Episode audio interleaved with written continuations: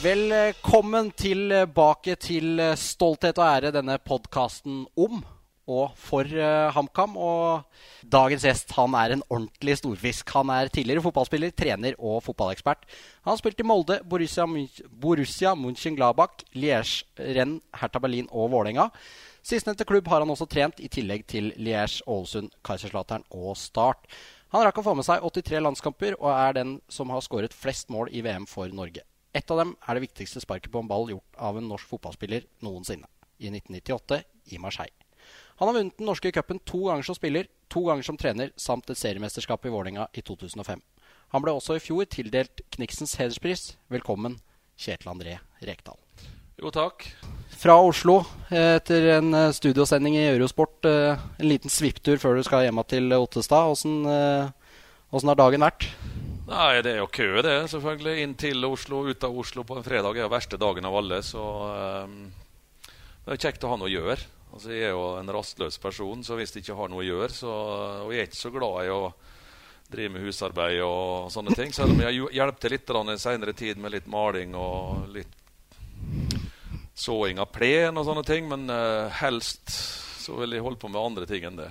Ja, Men uh, er du tilbake som ekspert på heltid nå, eller? Nei, Um, jeg har vel bare noen, noen sporadiske oppdrag frem til midten av juli. Som i utgangspunktet De fleste av dem lå vel lå der allerede når jeg trente Start. Eh, med tanke på når Start hadde fri, så kunne jeg møte opp. Og det er jo, Jeg mener at det er bra for fotballklubber å ha sentrale personer i sin klubb i viktige studiosendinger som rundt landslaget og kanskje rundt Eliteserien og eventuelt andre ting også, som gjør at du blir synlig. Mm. Så du kan jo godt si at en, en, liten bijobb er det. Så får vi se hva som skjer fra sommeren av. Vi har ingen anelse per nå. Mm. Vi har jo vært mye innom uh, eh, 2005, og vi kommer jo tilbake dit til stadighet. Men uh, det er Ole Morten Pynter som lurer på beste og dårlige minner fra Briskeby. Og da er vi vel rundt sånn 2005, kanskje. Det var jo en åpningskamp der i 2005. Ja, det stemmer. Ja. Vi vant vel i 2004 nest siste serierunden på Briskeby. Ja. 1-0. Morten Berre. Ja. Og eh, da hadde vel HamKam en liten mulighet til å ta medalje tror jeg, for den kampen, så det var jo en knallhard batalje. Mm. Uh, og når vi vant den, så vi lå jo likt med Rosenborg i uh, antall, score, eller antall poeng og, og plussmål, men vi, fort, vi, lå bak, for de vant vel 1-0 i Bodø, tror jeg. Mm. Så vi lå fortsatt bak på antall skåra uh, mål, da, men vi var likt i poeng. Så vi, vi og den uka inn mot Stabæk-kampen var jo helt magisk. Enorm interesse i Oslo. Og Rosenborg skulle ha Lyn. da, Masse ja, Lyn. Legger de seg, legger de seg ikke? Hva gjør dem? Og så, videre. så det var jo Jeg husker han sto i garderoben etter at vi slo HamKam 1-0. De bytta han vel inn ett minutt før slutt for å skyte ballen opp på tribunen som taktisk bytte for å få tida til å gå. Så det var jo et, et artig minne. Men vi tapte vel en, en eh, opprykkskamp der nå, 3-2, tror jeg. Det er riktig. Uh, Cato Bakkemo mm, trente vel HamKam da. Og... Men vi vi gikk, jo opp likevel. Mm. Men altså, vi lå vel foran HamKam før kampen, så vi tålte vel et utgangspunkt å tape mer enn HamKam. Start var vel inne i bildet der og rota og hang på. Det var, ja, et 0-1, ja. Det var jo ja. da Ja, så var det riktig å slå Vålerenga. Så slo de Vålerenga, tror jeg. HamKam gikk foran igjen. Og så ja. rota HamKam det til mot uh, Skeid og tapte 4-1 uh, ja, mot Skeid. Ja, og så gikk Vålerenga fram til igjen. Så ble HamKam kvalik. Ja. men vi lå på opprykksplass uansett det resultatet. Ja, ok, Det var HamKam som nærma seg antageligvis. Da. Ja, de gikk forbi. Og de ble, vi var nummer én, og så ble HamKam nummer én. Men Start lå bak. Men vi hadde vel stø kurs etter, etter tapet inn, tror jeg. Ja, det var en kul kamp. det jeg husker Det var Twiddy som, uh, som avgjorde, så vidt jeg husker. Um, Skåret vel to. Sveinung Fjellseth. Vi skåret iallfall på straffespark. ja, og Amund Pedersen lurer på om det er uh, enklest med straffespark eller uh, avspark?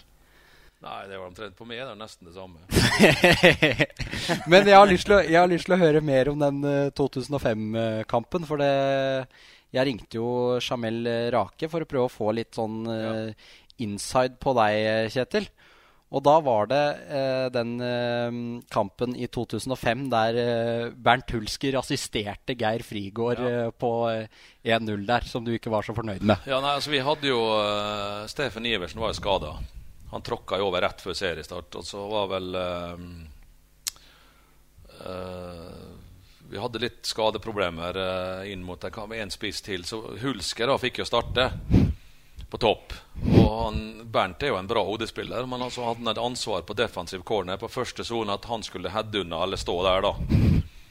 Og det er vel etter Det er ikke så mange minutter jeg spilte. Åtte-ni eller noe sånt? Ti, kanskje? Ja, det har ikke ja, Det er iallfall første omgangen. Mm. Og da er det en corner som Hulsker skal heade unna, som han ikke klarer. Han bare stusser han videre. Og da står jo Geir Frigård lenge bak der og banker inn 1-0 til HamKam. Og, og, da fikk vel Bernt høre fra meg at han, at han gjorde en elendig jobb på den uh, den sonejobben han hadde på første stolpe. Og han fremstiller som han hørte mitt brøl da gjennom uh, det var vel 8000 tilskuere på den kampen, eller 7 kanskje. Ja, det var, ja, det var 7358. Ja, og da mente han at han hørte mitt skrik da høyere enn uh, jubelbrølet til hjemmepublikummet som jubla ved mål. Og ifølge Hulsker sjøl, gjennom Jamel Rake, så, så spilte, mente han at han spilte med en klesenger i, i drakta resten av matchen. Nei, Og så ble han bytta til pause med det som angivelig skulle være sprekt trommehinne. Ja, det var ikke pga. meg. Men det er riktig at han, han fikk høre det, at han ikke gjorde det. Det, jeg mener at det er jo riktig, og han hadde en, en viktig oppgave. Når han missa den, så får du, da får du da får du høre det. det er sånn, jeg har fått kjeft mange ganger opp gjennom min karriere og liksom måtte akseptere det. Mm. Har du noen flere morsomme historier fra Briskebya? Ikke som du kom på? Nei, jeg må, jeg må det være dette når, når eh, den 2004-kampen det var jo, Vi kjempa om gullet. Da, det var, jeg så Vålerenga-supporter reiv det opp både plommetrær og epletrær og hagebusker for å få plass til å se på kampen. Stemmer det. Det var, det var litt av et sirkus. Og det var vel sikkert mer folk inne rundt arenaen enn det burde være òg, kanskje. Ja, dette var jo på gamle Briskeby, der du kunne gå gjennom hagen. Og Vålerenga ja. hadde jo plass bak det ene målet der. Ja. Og det var jo bare å gå gjennom hagen og det, jo, var jo, det var helt vilt. Kampen var utsolgt lenge. Mm. Og husker jeg var på sånne representerte Briskebybanen inn i sånne sikkerhetsmøter i forkant av, av kampen på den tida. Og det var, det var et stort oppbud og politi og det ene og det andre, men det, folk kom seg inn. da Det var mm. helt greit Det var til 7003. Det var sikkert 8500. Ja, men, men, det, det, det, var, selv om det var en tøff kamp, så var jo faktisk det en altså, Stemninga var bra. Det var ikke sånn og rivalitet, det var en rivalitet der, men det var jo en, en saklig og sunn rivalitet av den, den, kampen her. Jeg husker jeg. Ja, nei, det, ja, det er sant. Vi, det er sant. vi kommer inn på sesonger hver eneste program vi har. For det er jo på en måte gullalderen. Og det er klart det, det, det, her var det HamKam var på en måte litt med, de òg, på det tidspunktet her ja. når de tapte mot Vålerenga hjemme og kjempa om medaljer, tross alt. Og hver, du hadde Kjetil Rekdal på ene benken, og så hadde Ståle Solbakken på andre benken. Det var meldt 7003, men folk kom seg inn allikevel. Kanskje over 8000 stykker der. Mm. Det er jo, dette er jo tider vi absolutt Men det, det, er en ting, ikke, det er en ting jeg ikke klarer å forstå. Da. Det er liksom den enorme interessen for Storhamar. Mm. Og så lite interesse for HamKam. Men mm. det var jo der når Ståle på en tida der, da. Han fylte opp Riskeby og, og hadde en enorm trøkk. Altså, det, ligger jo latent en eller annen plass der. Altså, det er jo idrettsinteresse på Hamar når, du, når du fyller opp eh, Hamar Amfi med 6000-7000, så skal det være mulig å få mesteparten av dem til å kunne gå på Briskeby. Altså, det er jo et eller annet der HamKam er nødt til å knekke en kode på for å få det til å skje. Ja, Marius, som vi hadde, Marius Skjelbæk, som vi hadde som gjest, mente jo at uh, ett av de uh, knutepunktene der kunne være at HamKam mangler profiler. Hvordan uh, ser du på det, Kjetil? Jo, det, altså, det kan godt hende. Altså, Ståle gjorde jo en formidabel jobb når han kom til HamKam den gangen. Det var første trenerstasjonen han hadde. Og det er klart, Han fikk jo folk til å tro på det. Og da vokser jo interessen. Og, uh, og rykka opp og gjorde det veldig bra første sesongen. Uh, Kjempa medalje, som du sa, helt til slutt. Året etterpå så gikk det var dårligere. Da holdt han på å rykke ned. Men han berga det. Uh, som var 2007 de gikk ned. Ja, seks. ja. Rykka ned seks og sju og første år. Ja, altså I ja. fire så var de oppe og kjempa medalje. Ja. Altså, fem holdt de på å gå ned, og så ja. gikk de ned i seks. Og da lå de vel nedrykksplass kun én runde. Det var den siste. Siste runde, ja. Mm. Da, og, og, hva som skjedde etter det, det var, Kom vel opp igjen, gjorde det ikke det? da? Jo, så rykka de opp rett opp, og så var de oppe et år, så gikk de ned igjen. Og så etter det så har det vært ja. Så men det skal jo, når- som jeg sier, når, når det er fullt i Hamar Amfi, så er det jo et potensial til å kunne dra 5000-6000 på, på Briskeby òg. Men snakke litt om Det var jo eh, det å møte noen ordentlige gode lag og profiler og trenerprofiler og sånne ting har litt å si for Hamar-publikummet. Det blir liksom ikke å Som vi snakka litt på, det blir kanskje kiler liksom ikke helt at Strømmen har eh, Nesselquist som er 26 år gammel. Det blir liksom ikke helt det samme allikevel. Um, så vi, det handler litt om å få skape resultater og, og, og, og komme seg opp og få møte nettopp Vålerenga og, og Rosenborg og Brann. Og det kommer til å engasjere. Så jeg, jeg er ikke redd for at uh, det kommer, men jeg vet ikke. Det kan være så enkelt som det her òg, da. Altså, vi slår Notodden til helga, og så kommer Kongsvinger 16. mai. Nå kommer det mange folk, og så går det bra òg. Plutselig så har du tatt et byks på tabellen. Så har det vært en positiv opplevelse mot Kongsvinger. Så kommer folk igjen, for nå kommer godvær og litt sånn. Og plutselig så, så er, strømmer folk inn portene. Og Hvis vi da klarer å skape, så kan det, det bli gøy å gå på kamp igjen. Men, men hvis alt blir negativt enhver tid, så er det ikke så lett å, å fylle fylle tribunene. Samtidig som jeg tror fotballen på den tida jeg og Kjetil prater om nå, det har jo vært, da var det veldig hot. Og norsk fotball har ikke samme standinga nå. Nei, altså det, men, men det, jeg tror du har altså Hvis HamKam skal opp, da, så må de klare det nå når det er 16 lag.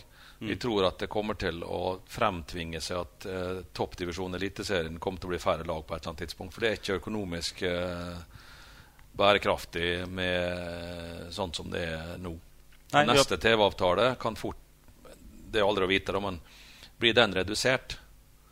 Det sier jo det at det går jo bare til himmels med disse TV-avtalene. Men altså den, det tidspunktet en TV-avtale eventuelt blir kappa ganske mye, så vil det presse seg fram. For det, det er klart Du har jo lag nå som spiller for 3000-4000 og, og ikke engang klarer å få nok inntekter til å dekke baneleia i enkelte kamper. Det, det er ikke bærekraftig. Så Nei, det, det, det, diskusjonen vi hadde sist der, og mm, spesielt Marius Skjelbæk var her, så prata vi på det samme. Og det er, du kan se fordeler for begge deler, men som sier, jeg tror også det må tvinge seg fram et eller annet endring. Fordi uh, når, du, når vi snakka litt om Bodø-Glimt-Rosenborg første kampen, det er, det er ikke mange sjeler på kamp.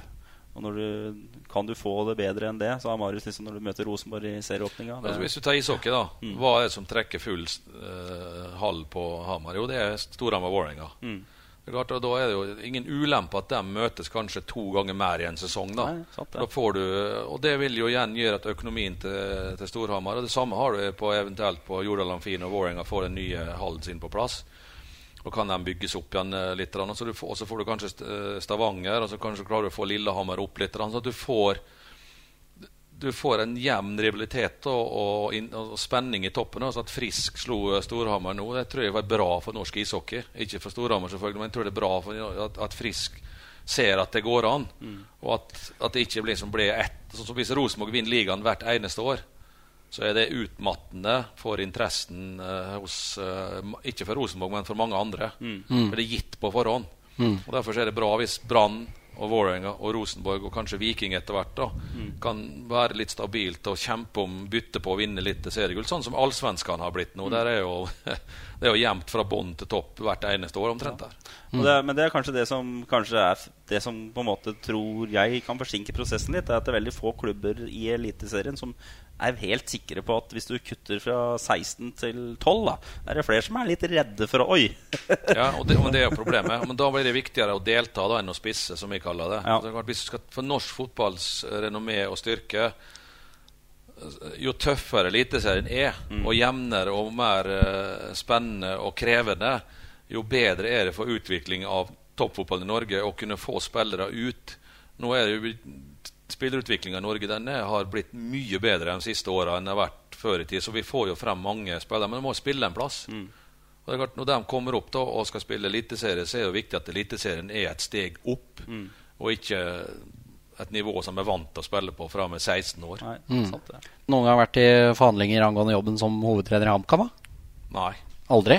Nei, det har aldri vært. Så øh, jeg er ikke så glad i å trene en klubb der du bor. Nei.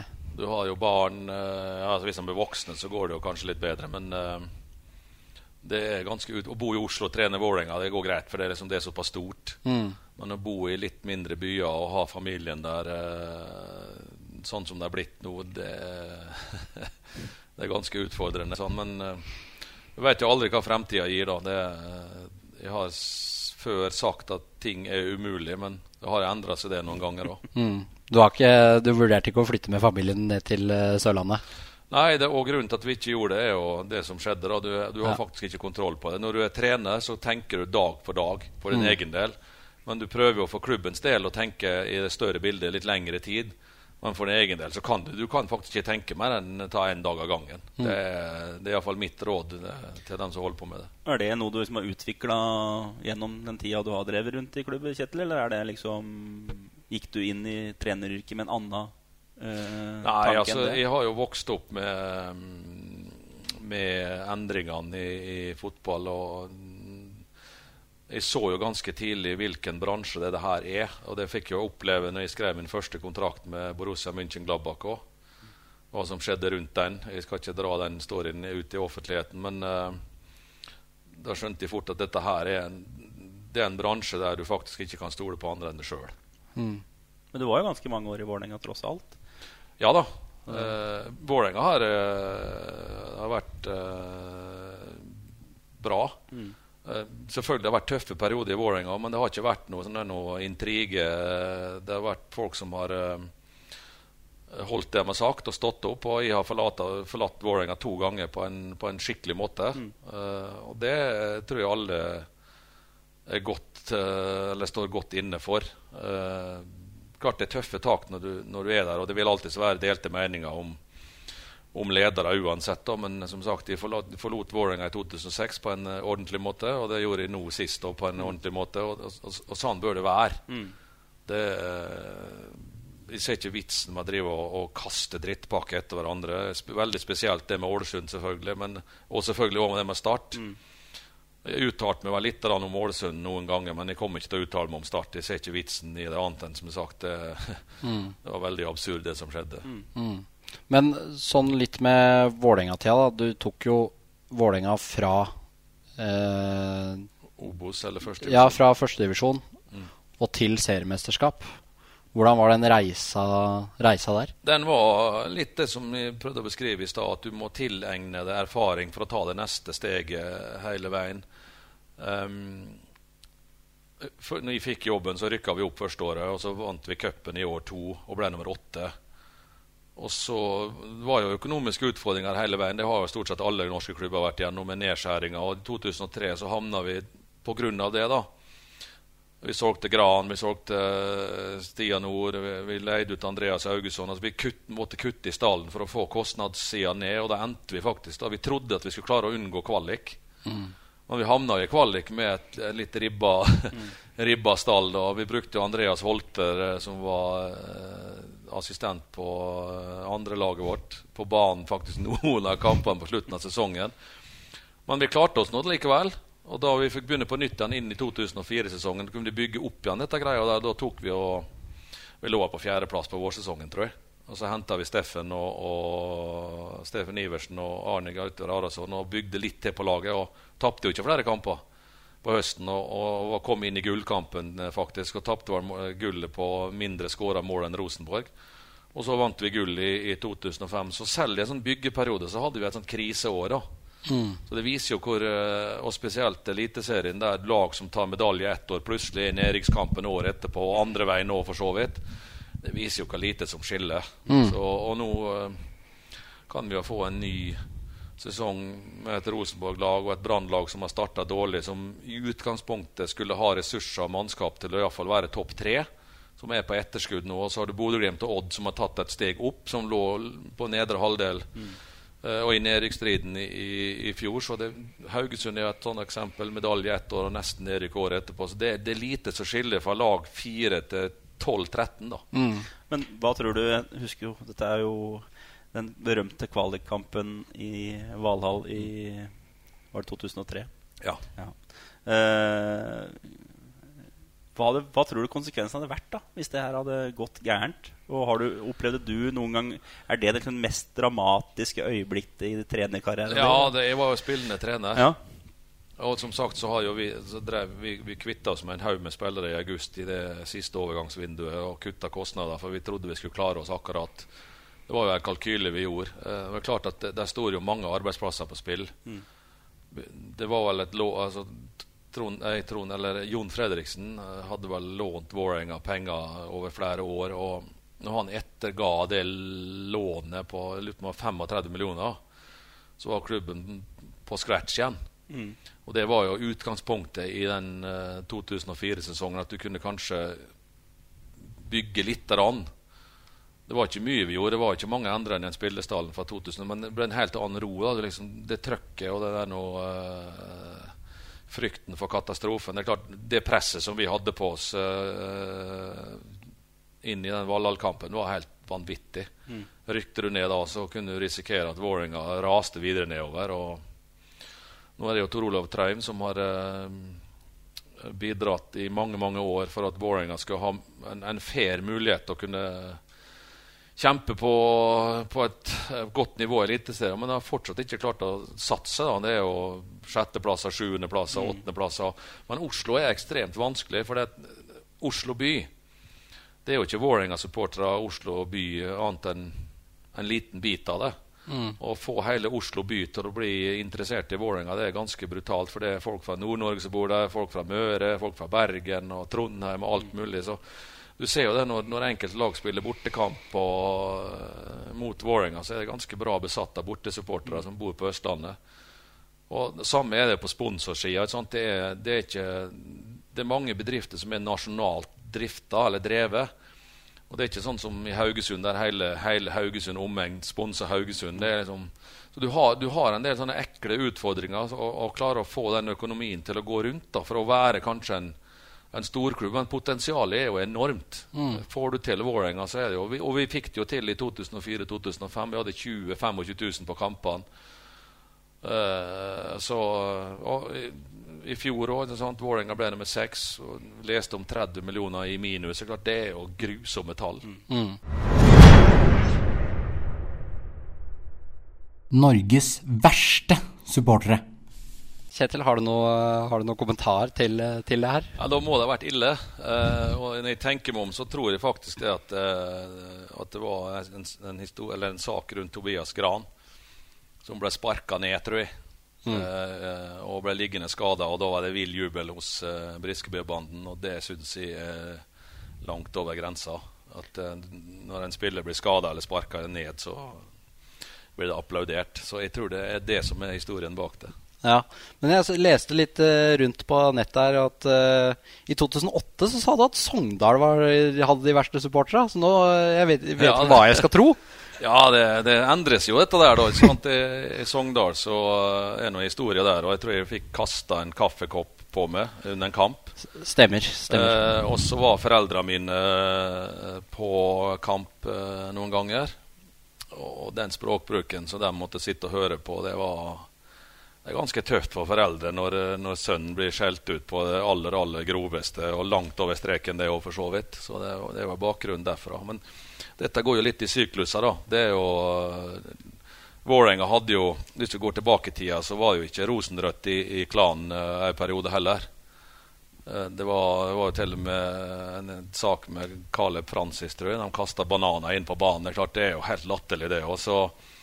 Men det viktigste er at det blir tatt tak i ting nå, når folk går over streken. At det liksom blir ordna opp i det. Du hadde vel nå senest i Haugesund der en voksen kar står og viser fingeren til OI ut et intervju med masse unger rundt seg. Det er klart, det, det, det, er ikke sånn det skal være. Jeg har ingen problem med å akseptere både fanatisme og eh, religion i, i supporterskarene osv. Men på et eller annet punkt så må det, det må, må finnes en grense. Mm. Men Jeg har jo fått inn noen uh, lyttespørsmål til uh, deg, Kjetil. Og Jørgen Karlsen, en av våre trofaste lyttere, han uh, spør om ditt forhold til HamKam. Nå bor jeg på Hamar og har bodd der i fem år, så jeg var jo med og hjelpte til uh, et års tid med HamKam Yngres. Eh, fra 13 opp til 19 år. Jeg syns det var interessant eh, å gi tilbake fra min erfaring gode tips til uh, talentfulle eller ambisiøse unge gutter og jenter. Jeg hadde, var jo innom Vang uh, nesten et år òg. Uh, det syns jeg er stas. Eh, det er klart Jeg har jo gått en lang skole sjøl, eh, har vært i samme situasjon, eh, har lyst på mer trening, lyst på tips. eh, lyst på coaching eh, for å kunne utvikle seg videre. Og det, det syns jeg er interessant å jobbe med, så det, det var gøy. Mm. Og nå er jeg ikke involvert i HamKam på noen som helst slags måte lenger. Men var det noen spennende talenter? eh, Det var vel tilbake i 2017, hvis jeg ikke husker Eh, feil? ja, jeg begynte vel eh, Hadde vel et halve året 2017 og for så vidt frem til sommeren til jeg tok over start 2018. Så det var et år. Selvfølgelig finnes det talent her, men det er klart nåløyet er ekstremt trangt. da. Og så er det jo viktig hvilket nivå du spiller og trener på. At du kan eh, få nok utfordringer og nok læring for hvert år som går. Det er kanskje den største utfordringa her. For i Indre Østland eh, Nivået på fotballen i Indre Østland er nok litt lavt i forhold til andre landsdeler. og da Det hadde nok hjulpet å få HamKam et hakk opp. Mm. og fått dem opp i Eliteserien. Så at det, det lokale miljøet har hatt mer å strekke seg etter. Raufoss og HamKam på samme nivå. Da blir det jo ja, det, Du tar litt fra hverandre. Mm. Men uh, hva er det du sier til de uh, Eller hvordan er det du jobber med de yngre spillerne? Du, Det er bevisstgjøring først og fremst. da, Hva som skal til. Uh, Pasninger, skudd, finte, dribling. Hvordan du skaffer oversikt. Hvordan du leverer fra deg ballen. Hvordan du skal ta imot ballen. Altså det, det er små, viktige detaljer som kan gjøre store uh, fors forskjeller. da, men også tempoet er jo viktigst oppi alt her. At du utfører tingene dine med et tempo som du klarer å ta med deg når du kommer lenger opp på høyere nivå. Når du er 14 år, så blir du 15. Da kreves det mer. Når du blir 16, så kreves det mer. Og, Da må du ha med deg en grunnpakke da, som du jobber med å utvikle hele tida. Um, og tekniske ferdigheter det er jo ekstremt viktig, for du, du, spiller jo fotball, og da er jo det du gjør med ballen, selvfølgelig ekstremt viktig. Men du er borti ballen da i to minutter av en mm. fotballkamp. Og da er det 88 minutter du gjør andre ting. Og da er jo dem like viktige, dem. Mm. For uh, mot Sogndal, der var også du til stede, Kjetil. Hva, hva skal man si? Jeg, jeg syns det var en veldig trist fotballkamp med lite tempo, uh, lite sjanser. Uh, at det ble uavgjort, var helt rettferdig, for så vidt. Men det var to lag som ikke fikk til noe særlig. Og det og jeg sang, Når jeg ser på en fotballkamp, så, så sitter jeg og ser på innlevelse og ser på engasjement. Vi ser på forsøk til å kunne gjøre forskjellen. Altså, du leter etter spillere som har, tør å ta sjansen til å, å, å, vinne kampen. Og det var egentlig mangelvare, litt sånn som på begge lag. Det ble 0-0 og en trist uh, fotballkamp. Og jeg tippa jo 0-0 før kampen. Jeg hadde med meg en kompis som uh, jobba som scout. Mm. Og sa at dette her blir lite mål. Jeg tror det blir 0-0. Selvfølgelig ingen som kan verifisere den historien der. Nei, men jeg kan jo ringe til ham etterpå. Så, ja. så han satt jo og ergra seg når han kjørte i bilen. Faen, jeg skulle ha satsa på 0-0. Du sa det jo. Så, men altså Uavgjort mot Sogndal hjemme er jo ikke sånn isolert sett et dårlig resultat for HamKam. For Sogndal har jo et mannskap, eller bør ha, da, Mm. Dere vil kjempe om kanskje direkte opprykk, eller iallfall uh, høyt på, på, tabellen. Og de har kommet elendig i gang. De leda jo tross alt 1-0 i Ålesund og, og, var tre minutter unna å vinne kampen. Så taper de 3-1. Uh, så sånn sett er ikke uavgjort hjemme mot Sogndal er ikke noe dårlig resultat for HamKam. Men det er nok andre kamper her som HamKam har uh, uh, burde tatt poeng i. De er jo egentlig heldige som får poeng mot Strømmen. Den ballen er jo langt inne. Mm. Uh, og da hadde du hatt ett poeng mindre. Uh, ja, du kunne kanskje fått poeng mot Sandnes Ulf, men det ser jo ut igjen da som det blir litt sånn som i fjor. Første delen av sesongen så ligger du rundt nedrykk, mm. og så kan du kanskje klare å komme ut av det på slutten. Da. Så uh, det må en utvikling til her i, i HamKam-laget hvis du skal være sikker på at du, du berger plassen. For at Ja, det, per nå så er det nedre halvdel. Vi kan høre litt på et uh, lite klipp uh, av et intervju jeg gjorde med Espen Olsen før sesongen uh, angående Mendy, og om han var riktig mann for HamKam. Ja, vi håper jo det, og tror det. Hvis ikke så hadde vi jo ikke henta han. Så han, er, han, har bevist før at han har skåret mye mål i, i, Norge, både, og på høyere nivå. Så vi, vi, vil jo prøve å nærme oss eliteserienivå. Han, han har sett veldig bra ut. Så når han får enda et par uker nå til å komme i bedre form, så så har han mye X-faktor. Føler du at det er en risk?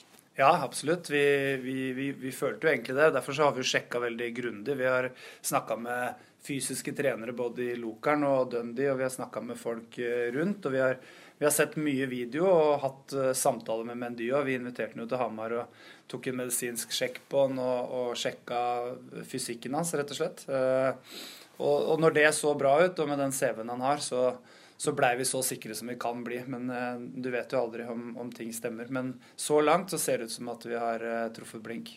Så langt så ser det ut som vi har truffet blink, sa Espen Olsen før sesongen. Er, det, er Mendy den spissen man har eh, lett etter, eller er, eller er han en ny Kevin Bøgre?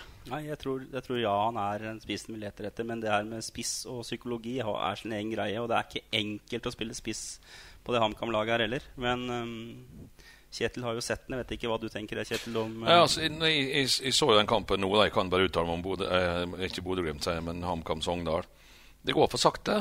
Mm. Uh, og det er klart en spiss må ha innlegg. Han må ha ballen der han kan ende i én-mot-én-situasjoner, eller han uh, får ballen i bakrom der han kan duellere eller komme i, i situasjoner. Det er klart En spiss er helt avhengig av et lag. Mm. For Du spiller fremst, og kommer ikke ballen frem, så skårer du ikke mål. Og Blir det ikke laga sjanser, så skårer du ikke mål.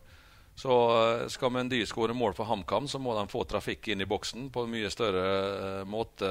Iallfall ut ifra det jeg så mot uh, eh, mot Sogndal. Man kan spillere som begynner å utfordre motstanderens bekker. Mm. Okay, hvis du ikke kommer forbi, så har du iallfall prøvd. Mm. Og, og, prøver du lenge nok, så kommer du forbi. Og da kommer det kanskje et innlegg som kan bli mål ut av. Så, det riktig, og, det, og, det, la jeg merke til, at som du sa, at det, det er mange touch, veldig mye touch på midtbanen der. Frem og tilbake, frem og tilbake. Sett opp kantene dine og få dem til å bli én mot én. For da må motstanderen forholde seg til det. Det er klart det er ikke vanskelig for en motstander å forholde seg til hvis et lag driver og spiller ballen foran foran dem sakte frem og tilbake, for da kan du bli stående i formasjon. Når du må begynne å flytte lagdelene dine, da finner åpninger. og det, så Tempoet i HamKam-spillet må opp, i, fall, i forhold til det jeg så mot Sogndal. Men eh, det er jo interessant det dere sier om eh, de to på midten. Er de for like, Solbakken og Johnsen? Jeg vet ikke hva du syns, Kjetil. Planen var jo at de skulle være utfyllende, men eh, Syns du at det er et eller annet Jeg, altså, jeg, jeg, jeg liker jo uh, Markus Solbakken. En, en, en, jeg hadde den jo på Vang, blant annet, og jeg hadde den jo noen ganger på HamKam-trening. Og jeg sa jo til ham da du bruker for mange touch. Og nå satt jo han, Jeg hadde jo med en scout som annet så på han. Og da Når du teller at en midtbanespiller bruker 8, 9, 10, 11 touch flere ganger når han får ballen, så er det negativt. Mm. Da er det enten at han driver og leter til åpninger som ikke er der. Mm eller at en har orientert seg for seint sjøl.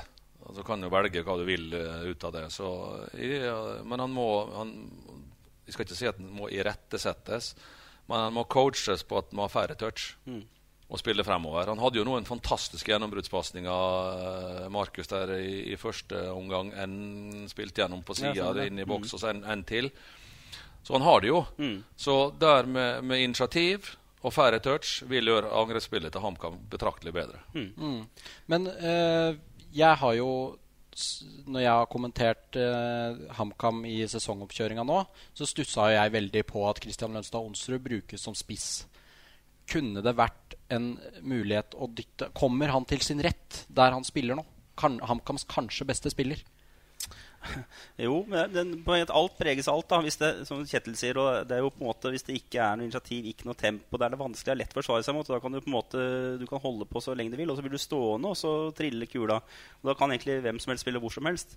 Eh, hvis du da ønsker å bryte opp i den måten å spille fotball på, så er det jo andre typer spillere som er eh, viktigere. Mm. Det, det, er mange som nevner Midtskogen her ikke sant, som et alternativ, men det, da blir det en annen måte å spille på. Det er kanskje sånn som HamKam avslutter mot Sandnes Ulf. Eh, da, de, da, slutter de å gjøre det de egentlig har gjort brukbart i første 60 minutter. Og så begynner de også å uh, spille vanvittig direkte og begynner å slå mye. Problemet da er at det er nemlig ikke gjort noe uh, Midtskogen er ikke der. Og da blir det vanskelig. Da spiller de som han er der, så er han ikke der. Mm. Uh, men jeg, det er helt riktig, det tempoet. Altså, jeg syns det er vanskelig. da. Er det fordi uh, initiativet er for dårlig, at pasning ikke kommer framover? Eller er det vanskelig å være Mendy for at pasningen kommer så sjelden framover at den er vanskelig å finne rom for? Ser det første målet de skårer, eller ja, den som blir et bra mål, det er jo et vanvittig forarbeid av Mendy. Men du ser hvordan laget blir etablert da, så har, har Mendy droppa langt langt ned involvert seg i spillet. Og spiller spiss alene. Det er jo greit. Og jeg har jo ikke imot at han spiser opp, men det, han, han blir så, for meg nå så blir han vandrende og løpende altfor mye rundt. For han har lyst til å markere seg, lyst til å være med i kampbildet. For han ikke får nok ellers. Og da blir han, eh, da, da, da blir han helt usynlig. Men det, men det, skjer ingenting, for det er jo kantspillere. De, de, Silnes har det i seg. Mm. Men han vil jo nesten ikke utfordre. Nei. Jeg synes det er merkelig. Det er uh, spillere som, som, bør gjøre det, men så blir det bare snu opp igjen. Pasning. Uh, hvilken kamp jeg så her hvor det hadde frispark lang, langt inn på, på, på uh, halvdel. Tre trekk etterpå så er ballen hos keeperen. Så det er liksom sånn der omstendelig bygge, bygge, bygge. Vi skal helst starte bakfra. Og så har vi også sett tempo på det. Eh, Jarosinski, som jeg har stilt spørsmålstegn før, eh, igjen ønsker å gjøre det. Han, eh, på, mot Sogndal. Jeg har ikke sett, han kan hadde ikke travelt med å sette i gang spillet. Jeg har ikke sett en keeper jeg på stillingen 0-0 på hjemmebane som har brukt mer til han. Altså for clean sheeten så var det viktig for han. Du brukte over 30 sekunder til et minutt hver eneste gang ved utspill. Og da får jo laget som eh, da har avslutta angrep, har kommet seg godt hjem igjen, satt seg og etablert seg godt og fått til og med fått puste litt før ballen settes i gang igjen. Sånn mørner du ikke en motstander. Og jeg mener at skal du spille på den type fotball de ønsker der, så må du mørne dem litt mer enn de gjør nå. Mm. Men uh, du snakker om uh, kantspillere. Hvor viktig er det å få Simen Bolkan Nordli frisk, så at han kan spille 90 minutter nå? Han evner i hvert fall også utfordre og skape ubalanse hos motstanderen. Uh, og så håper jeg snart at han da blir frisk nok. fordi at en ung spiller som han trenger å spille matcher jevnlig. Og få trent godt jevnlig. Og jeg tror at hvis det hele tiden blir sånn at det handler om å bli frisk fra kamp til kamp, så føler ikke han ut potensialet sitt i den grad som han burde. Mm. Hviletid brukte uh, Gaute Helstrup som et argument etter uh, Sogndal-matchen. Og Kjetil, du har jo vært i trener- og spillersirkuset lenge. Hvor mye har den ekstra dagen som eh, Sogndal fikk, noe, har det noe å si? Ja, det har det nok. Men hvis du spiller midtuke mange uker altså Hvis du tenker på Sarpsborg i fjor, som spilte serie helg, Europacup på torsdag og så serien på helg, så vil du se Eh, store forskjeller. Men å få søndag-onsdag skal ikke ha noe betydning. Nei. Og HamKam hadde jo fri eh, helga før også, så jeg mener jo at den unnskyldninga er litt tynn. Og at eh, da spillere har følt seg tunge, så bør man vel kanskje jo, det, altså, Man kan prate på seg problemer. Ja. Uh, altså, det er jo Å være fotballtrener er ikke enkelt. Fordi at det er så ufattelig mange faktorer som du må ta hensyn til. Jeg kan ramse opp noe. Om Du har spillerne dine, og så har du et støtteapparat. Og så har du et styre, og så har du kanskje et sportslig utvalg, og så har du en sportssjef, og så har du agenter, og så har du media, og så har du sponsorer, og så har du supportere. Og her er og venner og Facebook og Twitter Det er blitt ei enorm smørje. Så det å være fotballtrener og kunne uh, få med seg alt, det er nesten umulig blitt. Så det, det er klart Noen ganger så kan du stå der ganske rådvill og lure på hva i all verden er som skjer nå. Hvorfor er vi tunge i beina? Har vi trent for hardt? Har vi trent for lite? Eh, hadde vi feil taktikk? Hadde vi feil laguttak? Altså, du har så mange ting du, som du kverner rundt på fra dag til dag. Så å finne ut av det, da for å, å, kunne være best mulig forberedt og så spille en fotballkamp som der du får ut ressursene dine, det er blitt et ekstremt vanskelig puslespill. Mm. Jeg tror anerkjenner også, jeg tror sikkert du vet det, Kjetil. Du har jo også hatt uh, klubber der du har hatt uh, mer tid til å bygge lag, og noen ganger har du vært inne som en slags sånn redningsaksjon. Uh, ikke sant? Så det, det, jeg på en måte har formant da, og ment siden vi ansatte Helstrup Olsen, er at det her er antageligvis den rette veien å gå hvis vi vil ha HamKam opp og ting tar tid. Og det kan vi se på de to lagene. Bare se til England. Det er jo ikke alltid vi skal sammenligne Obos-ligaen og Premier League, selvfølgelig. Men her, her i denne podkasten så, gjør man podcasten så er det vel greit å se at uh, både Guardiola og Klopp sine lag òg, som nå vi anerkjenner for å være meget, meget gode, brukte tid. Så hvis du trenger tid i de klubba der, så trenger du i hvert fall ti i HamKam. Og jeg føler ikke at det er noe panikkbøtten eh, som trykkes på i, i, på Briskebu, i den grad som det blir gjort på Lerkendal nå. Mm. Um, jeg tror og håper at de får lov til å eh, fortsette den her, uh, veien de har begynt. At vi ikke begynner å rote med for mye. Men det her handler også ligger vel så mye hos spillere enn så lenge. Det går an å utøve et større engasjement og aggressivitet og vilje å lyse litt mer ut av det enn det har gjort så langt på flere spillere. Det virker litt likegyldig, litt flate, og det er det verste som skjer. Men, men Jeg er jo enig med det du sier, men de må læres opp til det. Mm. Og da er liksom uh, når jeg kom til Start i høst, så det var en klubb som tapte hele tida. Kampene var jo ofte avgjort til pause. Mm. Og da må du begynne altså, Ok, vi er her nå. Og Da må du begynne med å finne ut hva skal vi gjøre nå for å få kampene til å vare 90 minutter. Og ha en sjanse på poeng. Mm. Når vi passerer timen, at du ikke ligger under 3-0, at det kanskje maks ligger under med ett, eller at du har uavgjort, eller kanskje til og med leder med et mål. Altså, du må skaffe deg den erfaringa der, sakte, men sikkert. Og, det og det Uh, jeg har jo veldig tro på kontinuitet. Når du ansetter noen, så må du ha tillit til dem. Du kan liksom ikke begynne å krysse for dem etter 14 dager og si at hvis du taper nå, så må du endre formasjon. Eller hvis det ryker en kamp til, så kan vi må skifte trener. Eller, altså, blande, du må la dem få holde på med det de skal holde på med. Men som jeg sier, det viktigste med fotball er at du lærer opp spillere til å komme i den situasjonen på det nivået du ønsker og har ambisjoner å nå frem til. Mm, For du, du, må faktisk trene på å bli bedre. Og du må trene på å komme i situasjoner der ja, det blir alvor. Og du må trene på å, å være i situasjoner der det blir stress. For at Jo bedre du blir, så vil du komme i de situasjonene der. Og hvis du skal bare, ja det er greit å delta, da er det ikke noe trøkk der. Så Det å takle press, eller å bli vant til å få press på seg, er jo en del av utviklinga til fotballspillere nå. Ja, det, tror jeg er helt riktig. Men du var jo for de som unge lytterne våre, så er det jo ikke alle som vet uh, hvilke vanvittige karrierer Kjetil hadde. Men, men, for de som husker den, da, uh, så håper vi har noen såpass eldre lyttere òg, mm. uh, så er det en gang sånn at du var jo på et lag med en haug med vinnerskaller og typer. Og det er jo Ståle var jo her i eh, et av programmene våre, det første programmet faktisk, eh, hvor jeg spurte han litt om å finne spillere med akkurat den mentaliteten, vinnermentaliteten og skallene som, som, Kjetil da har, og Ståle hadde osv. Ja, Ståle har, da, men han spilte, vel å merke. ikke sant? Um, og de typene her er det færre og færre av. Jeg vet ikke når du nå trente Start i, var, når du lette etter spillere, å finne sånne typer er ikke så enkelt. Det, dette, samfunnet har jo endret seg. Ja. Ikke sant? Også det å stille krav det har blitt negativt. Altså Det er kjeft. Altså, så Si til en spiller dette her er ikke bra nok, du er nødt til å jobbe med seg tinga der og der. og der. Da er det noen som takler det, men mesteparten takler det ikke. For da er det liksom Ja, men jeg får jo ikke ballen. Mm. Eller at jeg har trent for hardt, jeg har trent for lite, jeg har trent for mye. Jeg vil spille feil formasjon, og så prate med agenten sin, og så skal det flyktes. Og Det er jo derfor jeg sier det at nå har jeg sagt det ganske lenge. tror jeg, så jeg sagt, Første gang jeg sa det, var da jeg kom hjem fra Tyskland i 2000. Jeg så jo den utviklinga på norsk fotball. Nå må klubbene ta tilbake makta og diktere eh, hva som skal skje. Altså, det er jo ingen nasjon som, som Norge der spillergruppen har en enorm innflytelse på, på, både hvordan det skal spilles, hvem som skal trene laget, hvor lenge de skal ha ferie, hvilke formasjoner de skal ha, når de skal ha fri osv. Det er jo helt vilt blitt, dette greia der. En, en, en spiller han skal møte opp best mulig forberedt på trening, gjør det en blir bedt om, på maksimal måte. Og når det er ferdig, så skal du ha etterarbeid med restitusjon, søvn, mat, hvile, og møte opp neste dag på, på samme måte i en proffklubb, og spesielt i Tyskland. da. Du trenger ikke fortelle en spiller det at du skal komme forberedt på trening. At du må spise frokost, at du må ha nok søvn.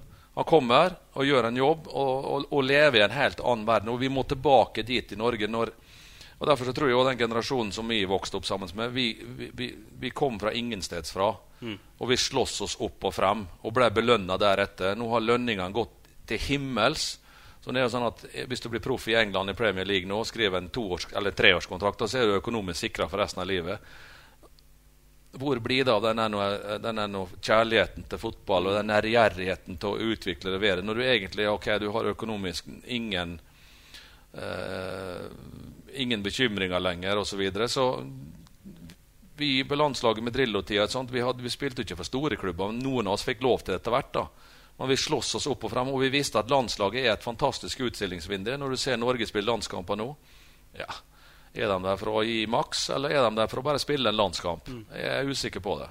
Ja, veldig gode poenger. Jeg støtter deg i det. Og det er nettopp det jeg tenker om de spillere vi har nå. Altså, det er jo er, liksom, er, det flere som er fornøyd liksom, med at det her er jo De, de er jo ikke økonomisk sikra for lenger. Nei, men, men, men, men, konsekvensene med å ikke levere prestasjoner ja, ja, det, det blir bare prata bort. Mm. eller liksom, det er greit. Bedre, altså, hvis du taper en kamp, så får du et klapp på skuldra. Bedre lykke neste gang. Mm. Det svir ikke nok. Nei. når vi tapte kamper Det var ikke så ofte det skjedde ved landslag med Drillo, men det gikk jo ei kule varmt i garderoben når vi tapte. Og da var liksom Det her skal ikke skje en gang til. Nei. Og da eh, hva gjør vi for å unngå det neste gang? Altså, de, de satt og diskuterte fotball.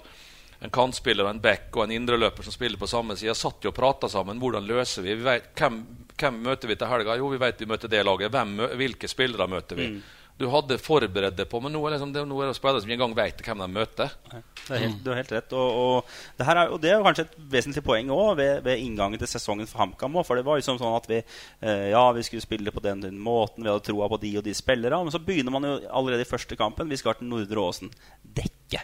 Ikke sant? Det er ikke trenere som føder i tankene, det fødes tanker i garderoben. Dekket er vanskelig. Så skal vi til Briskeby, til Tromsdalen. Ja, det er jo elendig dekke. Skal ikke skiftes før i neste serierunde. Så er det borte mot Nessotra. Litt det samme her igjen. Ja, gress tungt. ikke sant? Så begynner man hele tida altså, i forkant å nesten unnskylde seg litt. Og nå var vi liksom øh, Jeg syns ikke trenere har, har vært så Det du sier om Helstrup, da, forhold til det med hviletid og sånn. Det er jo første gang jeg har hørt han adressert et problem. Men det føles Derfor mangler liksom de typene i garderoben som f.eks. Kjetil nå hadde jo sikkert sagt at uh, et eller annet smart som hadde i hvert fall ufarliggjort en del ting. da. Og Det er de typene her jeg etterlyste før sesongen, som jeg nå lurer på. Hvor er de hen? De, hvorfor, hvorfor, er, hvorfor problematiserer man en del ting og unnskylder seg i mye mer grad? For Poenget mitt er at det tar tid. Det kommer til å ta litt tid med det nye systemet og spille og måten å tenke på. Men i hvert fall kan starte med å gi bånn gass. Så vi som sitter og ser på det, har en følelse av at det her er i hvert fall vilje til å ønske noe. Ikke eh, noe sånn flatt hvor at å, nei, det funker ikke. Så Det blir jo litt sånn som Vi hadde en diskusjon nå i start i vinter. Og da jeg etterlyser Vi har altså et veldig ungt lag, Start. Masse talent. Men som sagt, når det kniper, da, hvor er den eller dem som skal stikke fram huet sitt og skåre det målet du trenger? Eh, og nå er de tydeligvis blitt veldig altså Det var de uenige i, for så vidt, og det er nå greit, det. Men nå, nå ser du jo når de tapper fram Larvik. Uh, De har tapt for Ålesund. De tapte for Sandnes Ulf. De rota bort seieren mot, mot uh, Sandefjord. Og Jeg sier jo ikke dette her for at jeg skal sette meg sjøl i et bedre lys, men det, sier, det viser jo bare at analysen, som du sa, da når du trenger noe spesielt for å vinne en fotballkamp Og det skjer jo ganske ofte, for det er jo, det er sjelden du spiller 30 serierunder og alt går på skinner. Altså, det er fem kamper i året kanskje der du lukker øynene og så bare vinner du nesten i blinde. Og så har du 15-20 kamper som er pluss-minus jevnt. da.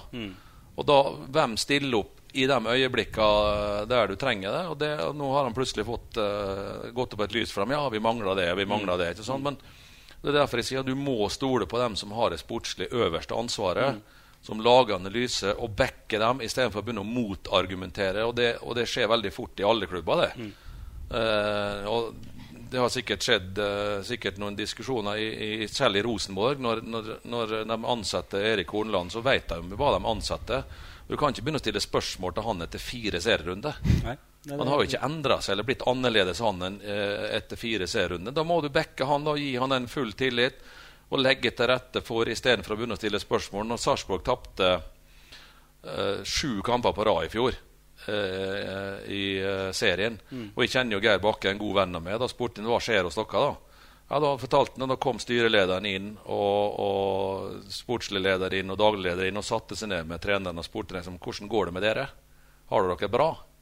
Har dere troa på dette her? Og, og det var ikke sånn at de kom inn der og sagt at hvis ikke vinner nå, så fryker dere. Eller du må begynne å endre formasjonen. De blanda seg ikke borti helt. De kom inn og backa dem og ga dem mm, ro. da. Kjør på. Vi står der, og vi er, vi er felles. Men det er klart at da har du en annen uh, en annen trygghet. Det er klart at Alle trenere som ikke får resultat, begynner jo å kjenne på det ubehaget. Oi, hvis du ikke vinner nå.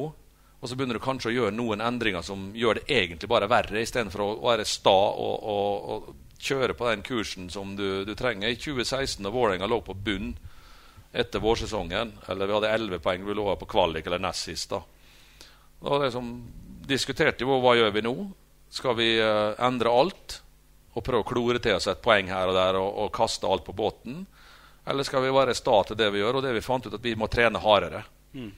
Vi hadde en vanvittig tøff oppkjøring på to-tre uker og fikk hele gjengen gjennom. Eller ikke alle, men mesteparten gjennom. Fikk en god fysisk forfatning. Tok 19 poeng på ni kamper og berga oss. Så du, du, men vi endra ikke noe på måten å spille på. Da husker jeg Jesper Mathisen satt i TV 2-studio og hausa opp Vålerenga. Dæven, Vålerenga spiller bra fotball. Mm. Og liksom spurte han hva hadde gjort. Nei, vi har ikke gjort noe annet. Vi har trent hardere. Mm. Vi har trent mer. Mye mer presist og mer distinkt på disse tingene som vi har spillere til å gjennomføre den måten å spille på. Men vi måtte ta i et tak. Mm. Vi måtte gjøre den fysiske kapasiteten betraktelig bedre. Og det var nøkkelen. Da, da fikk du to meter mer plass når du spilte. Du fikk åpningene, du skårte fantastiske mål. Motstanderen var totalt utspilt. Du klarte å stå imot når du virkelig måtte stå imot. Istedenfor at det ble utligning, så vant du 3-2. Mm. Og så løsna det. Så det klart, men da ble det stilt beinharde krav. Mm. Og det var nøkkelen til å komme ut av den gangen der. Og da ja, det er klart det kunne gått på dass. Altså, det kunne jo blitt sparka og noen annen inn, og, og problemer hadde vedvart osv. Men det er jo det jeg sier at når du velger en trener, så må du backe den treneren hele veien helt til det, ikke går, til det er slutt. Altså. Mm.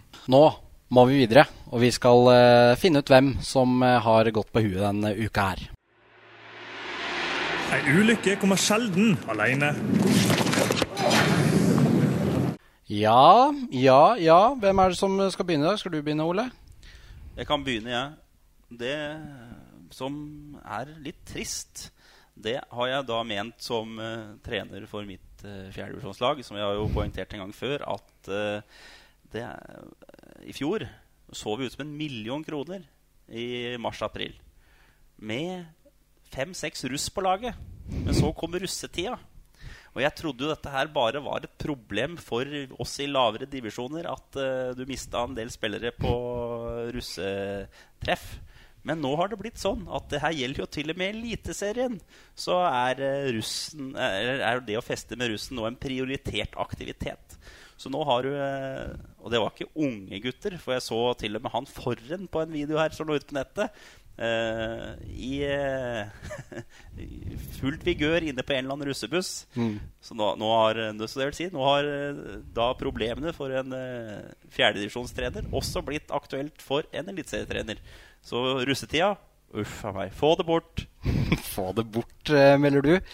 Min kaktus, eller min eh, Ikke kaktus, men eh, den som har gått på trynet i mitt liv, det er meg sjæl. For eh, jeg kommenterer jo da fjerdedivisjon for HA-sporten. Og nå har jeg altså kommentert da Munkenes ballklubb Domkirkeodden ved to anledninger mot Furnes og mot ditt kjære Ridabu, Ole. Keeperen til eh, Munkene, han heter Sindre Wallace. Jeg har da klart i to kamper å kalle han for Petter Wallace. Han er eksterndirektør i eh, NRK. Og uten å faktasjekke dette, så har jeg altså kalt han for Petter i to ganger 90 minutter. Så beklager, eh, Sindre. Og beklager til Munkenes ballklubb. Den tar jeg på min kappe fra vår side skulle jeg ønske at det var nettopp Petter Wolles som sto i mål. Ja, fordi det gikk jo eh, ikke akkurat uh, veien for uh, Ridabu i den matchen. Har du noen uh, du vil trekke fram, Kjetil? Jeg er jo ikke så glad i Liverpool, i da. Ja. så, og ikke Manchester United heller. Men jeg, når, når, Ole Gunnar er der, så må jeg være litt mer uh, greit i unna at det skal gå sånn tålelig bra med Manchester United. Men jeg, jeg vokste opp i skolegården som Leeds-supporter i undertall, selvfølgelig. Og, og, og, har massevis av kompiser som er Liverpool-supportere. Og det er ikke måte på hvor det er som skryter, da. Når de vinner en kamp. Liksom, om det er Huddersfield 3-0, så er det verdens beste lag og verdens beste fotball. Og de har ikke vunnet ligaen på 30 år, eller hva snart. Så øh, jeg sliter med å, å, å Men nå, nå, slo de Barcelona. Det var en sterk prestasjon. Ja, for det, det var, var imponerende. Det er du enig i? Men uh, jeg likte det ikke. Det gjorde ikke. Og så røyk Zuccarello dessverre ut av uh, eh, NHL med Dallas uh, et halvt døgn etterpå, så det var en blytung dag, for å si det sånn. så det er ikke noen hvem som har gått på huet her, det er hvem Kjetil mener at burde gå på huet? Men jeg hadde, jeg, hadde, jo også en annen historie som jeg ville at du skulle fortelle, som involverer nettopp Ole Gunnar Solskjær, som jeg fikk vite av Jamel Rake fra kampen i Marseille. Ja. Da du sitter på do. Ja. ja dette er jo på morgenen. Eh, vi skal møte Brasil på, på kvelden. Og jeg prøvde jo Det året så spilte jeg jo i renn. Mm. Eh, eller før det, da. Året, eh, jeg spilte i Herta i den sesongen der. Men jeg, jeg, jeg, prøvde å lære meg litt fransk, og det var vanskelig. Men jeg hadde med meg l'Equipe sportssida som hadde litt sånn reportasje om eh, kampen, forhåndsomtale med norske sannsynlige lag og eh, sannsynlig brasiliansk lag. og, og litt annet. Så jeg forsto litt under, så jeg satt og leste på den. Og, og lenger ned kom på den sida, liksom, jo sterkere ble den følelsen på at oi, vi kommer til å få ta, Norge får straffespark i kveld, på slutten av kampen. Og, og, og den følelsen var såpass sterk. Jeg tenkte det må jeg dele med Ole Gunnar. De satt jo med åpen dør. altså Ole Gunnar lå jo i, i, på senga rundt svingen, på en måte. Mm. Så ropte jeg til Ole Gunnar. da, Ole Gunnar, vet du hva som skjer i kveld, da? Nei, nei vi, vi, får straffe sa jeg, til helt på slutten av kampen. Stillinga uavgjort. Og så, det som, så roper Ja, skårer du, da? sier Ole Gunnar. Ja, selvfølgelig gjør jeg det. uh, og, og, dette ble jo ei sann historie. Ja. Sånn, det skjer jo det når jeg passerer Ole Gunnar da, frem og skal ta det straffesparket. så bare, altså, han, bare, han, bare, han, bare, gliser og rister på huet. Det, men jeg, jeg, tror det faktisk var for min del en ganske stor fordel at jeg hadde tenkt på at dette kunne skje. For Hadde dette skjedd uten at de var forberedt på det, så tror jeg at jeg hadde hatt litt mer stress når jeg skulle ta det straffesparket, enn, enn når jeg gjorde det. Mm. For nå var det liksom hele verden var stengt ute, og det var et enkeltspark, og målet var vanvittig stort, og den keeperen var en liten prikk, så det var egentlig umulig å ikke skåre. Det var liksom kun de tankene der jeg hadde. da, Så jeg var veldig godt forberedt på det. Og det er jo egentlig sjukt. At ja, Norge, det er, skal, det er Norge sjukt, skal få straffe mm. eh, rett før slutt, og at, dette blir sann, at det blir en sannhet. Da. Men det viser jo bare det når du driver med fotball, så må du faktisk være forberedt på alt. Da, hvordan du skal håndtere eh, alle mulige situasjoner. Cupfinalen mot Molde med Ålesund får én mann utvist, ligger under 1-0 tapt for dem begge gangene. Én treningskamp og to seriekamper. Egentlig vært sjanseløse og ligger under 1-0. Hva gjør du da? Jo, du får bare satse alt det remmer og tøy holder med, prøve å få en utligning så fort som mulig. Og det, det, jo, og det kom jo, så Du var jo så vidt innom en sånt, sånt scenario. Og du kan liksom gjøre en god treningsuke. Jeg hører jo alle trenerne si at vi har hatt en god treningsuke. Eh, og det, og det stemmer nok. Mm. Og så starter en fotballkamp, og så får du rødt kort etter ett minutt. Mm. Og Da hjelper det ikke at du har hatt god treningsuke, altså, for du er nødt til å begynne å gjøre andre ting enn det du hadde tenkt eller mm. forberedt deg på. Og da, hva gjør du da? Og Det er jo litt det som jeg sier, da komme seg ut av fengselet eller få med seg poeng på vanskelige dager eller klare å vinne kamper som du egentlig ikke fortjente. Det er jo der den store forskjellene ligger. og Nå sitter nå driver og vinner 1-0, 1-0, 1-0. Det er jo en enorm prestasjon. Og, og, og vet at de må vinne. Klokka går litt fra dem, sånn som mot uh, Leicester nå. Ja, hva skjer? Jo, Company kommer med en skåring som de ikke har gjort på Kanskje aldri gjort. Mm. Uh, ja, Brann sist, da. ja, ja, sist han skårte. Men, det, ja, men da kommer én spiller da, og stiller opp da, og lager den forskjellen. Jeg var jo såpass heldig at jeg gjorde det på landslaget en del ganger. Når Norge trengte en skåring. Da lista jeg meg opp der, da, og så datt ballen ned i beina på om jeg kunne skåre på et langskudd. Og, og, men, men, men du, du, må tro på det, da. Mm. Og det, og, ja, det er jo det som er nøkkelen. Det er helt, det er helt, helt riktig, og det, er helt, og det må jeg ha så sikt, og det er helt sjukt. Så glad jeg, er i fotball. Og Kjetil, du er jo så ung. Ja, jeg er det. Men Kjetil sitter nå rett overfor meg. Det Er jo mannen som har skapt så sinnssyke fotballøyeblikk ja. for oss fotballsupportere. Og her sitter og jeg som har ikke skapt så store fotballøyeblikk for din del. Eh, men, men, ja, nei, det er helt riktig. Men um, det er jo akkurat det, bare for å gå tilbake litt til det med en parallell til HamKam igjen der. Liksom, det er de typene her de som tar og jeg skal, love, jeg skal love at de savner det. Ja. Å kunne spille sjøl. Sånn, det er mange som har spurt meg være med og trene. Jeg gidder ikke. Jeg har spilt, når jeg bodde i Ålesund, så spilte jeg i femtedivisjon med Fiksa Rekta ballklubb i hjembygda mi. Men det var, da, altså, det var, tabeller, og det var poeng. Mm. Det var litt alvor. Men å spille all boys eller like, eh, bare gå på trening, det, det, det gir meg ingenting. Det må være Det må være en ordentlig konkurranse. Ja, det må være, ja. ja. Men eh, nå har vi jo prata så lenge, men det er jo så mye, mye vi lurer på, egentlig. Ja, for Et uh, kjapt spørsmål, eh, Kjetil. For du har jo også vært trener i Kaiserslautern. Mm. Kaiser, het, Kaiserslautern? Kaiserslautern? Ja, Kaiserslautern, ja. Kaiserslautern. Det er jo en, uh, egentlig en stor uh, klubb i tysk målestokk som hadde en berykta hjemmebane. Alle mm. laga men, men hvorfor, hvorfor, gikk det ikke Hvorfor var ikke det en match? Hvorfor ja, det, altså, Hvis du ser hvor Kaiserslautern er nå, så er de i tredjedivisjon. Og det er en klubb som alltid har hatt enormt med intriger. Altså styre og stell som har blitt kasta, som da har ambisjoner om å kaste styret for å komme inn igjen. Ut og inn med all slags mulige konstellasjoner. Aldri ro, økonomiske vanskeligheter. Eh, Pga. VM i Tyskland så bygde de en stadion som ble ekstremt dyr mm. uh, for klubben å drifte. og så gjør at liksom, Da kommer du inn i en sånn en, uh, syklus at det blir vanskeligere og vanskeligere for hvert eneste år å henge med. Og så satser de over evne, mm. uh, og knakk egentlig nakken. Mm. og jeg tok jo over et lag som hadde satsa enormt på å rykke opp. 14 av de spillerne i den stallen ble borte.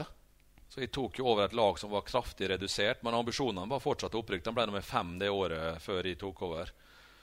Uh, og mange av dem, ni av dem 14 ble jo erstatta med spillere som kom fra uh, amatørlaget, som hadde null seire, 25 tap og ni uavgjorte eh, året før. Og liksom, vær så god, du må rykke opp. da. Og etter ei uke jeg sa jo til fruen Anne Guro du, altså, du trenger ikke pakke ut hele flyttelasset, for det her kommer ikke til å gå.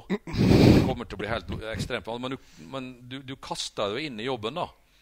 Og prøvde å, å, å, utvikle mange av de unge til å ta det steget. Sånt. Og første kamp mot Borussia München Gladbach var 50 000 utsatt stadion. Eller 47 var det. 50-tallet overpresterte. Så han spilte en knallkamp, tar ledelsen 1-0, og så rota vi den 1-1 helt på slutten.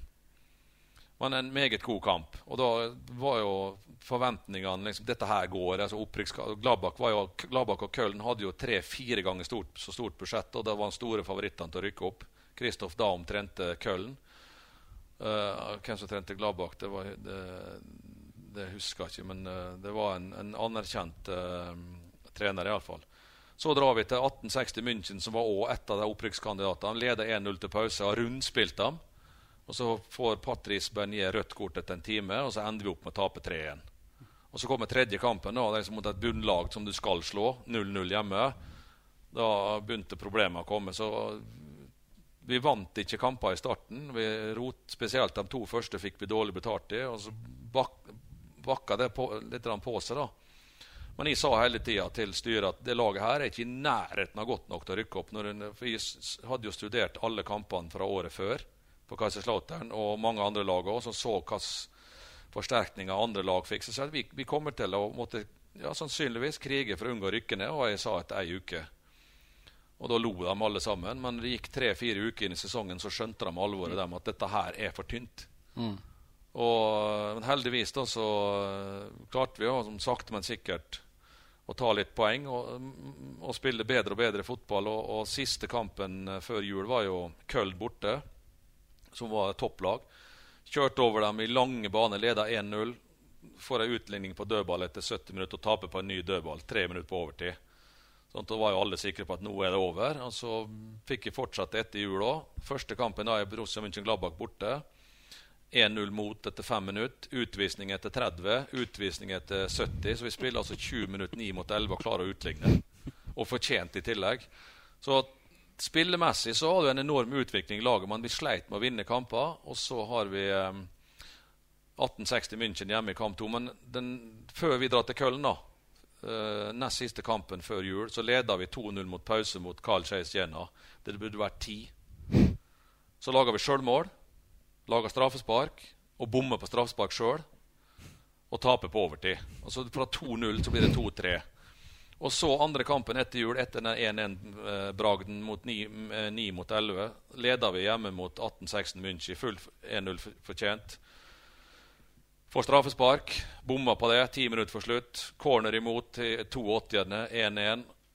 Og så skal keeperen vår ut og skyte, sparke under et langt gjennomspill. Sleiver ballen til en som skårer fra midtbanen. Og Da ble jeg kalt inn på møte dagen etterpå og sa at nå har du, du har så mye uflaks du, at vi bør nødt til å skifte trener. uh, og resultatet, og det, og det synes jeg var, og jeg hadde heller ingen problem med å akseptere det, for at resultatene var ikke bra nok. Men spillemessig, men det var, det var så mange sånne scenarioer, så det var kanskje bestemt fra høyere hold at dette skulle ikke gå. Men det var helt sjuke. De to hjemmekampene vi tapte, var helt absurd, det var helt vanvittig. Brent to straffespark, laga to sjølmål. Men det var skjebnen, da. Så, og Kaiserslautern klarte seg akkurat. da. Mm. Så, eh, men nå er de i, i, region, altså i tysk tredjedivisjon. Mm. Etter min tid så gikk det et par år, så rykka de opp. Var ett år oppe, så rykka de ned. Og så har de bare seget nedover tabellen i andre Bundesliga før de gikk ned i fjor. Mm. Og nå er de midt på tabellen i tredjedivisjon. Så den klubben er ødelagt pga. alle uh, intrigene. Og jeg er ikke den eneste som har vært der og prøvd mm. å få dette på fote. Det, det er mange topptrenere i tillegg. Erik Gerets var der. Eh, oh, jeg kommer ikke på alle navnene, men uh, det, det, har vært uh, det har vært en klubb som har vært fullstendig kaos i, i, i en mannsalder. Litt sånn som Start, kanskje. Ja, det er dine det, Det, på det, nei. Jeg, vil, ikke- jeg vil ikke prate om så Nei. mye om Start. Nei, det skjønner jeg godt. Det skjønner jeg godt, Kjetil. Men uh, nå har vi jo Nå har vi prata lenge her. Nå kan vi begynne å runde av. Søndag med Notodden. Resultattips, Ole? Nei, nå vinner 2-0. Begge måla av uh, Mendy. Hva med deg, Kjetil? Har du noen resultater? Jeg har ikke sett Notodden. Uh, jeg bare så at Ålesund sleit fælt med å vinne 1-0 der, og var heldig. Det blir ingen enkel bortekamp for, uh, for HamKam. Så, og begge var desperate poeng. Så kan fort få en ny, ny kamp som HamKam Sogndal, og lite målsjanser og, og 0-0-1-1, kanskje. Får håpe HamKam begynner å score på bortebane. Gjerne lik, del, eh, abonner på denne rørete podkasten, så skal jeg prøve å holde gjestesnittet oppe. Hvem er det du ønsker deg nå, Ole? Nei, da, det er vanskelig å si. For nå du skal holde kvaliteten vi har gjort så langt, så blir det, det snart ikke flere igjen. Men Drillo, da, kanskje? Vi får prøve å, prøve å kontakte Drillo. Tusen hjertelig takk for at du tok deg turen, Kjetil. Det var eh, en meget eh, fin, eh, fint gjort av deg. Og du har bidratt til å skape en fantastisk episode. Stolthet og ære. Come on.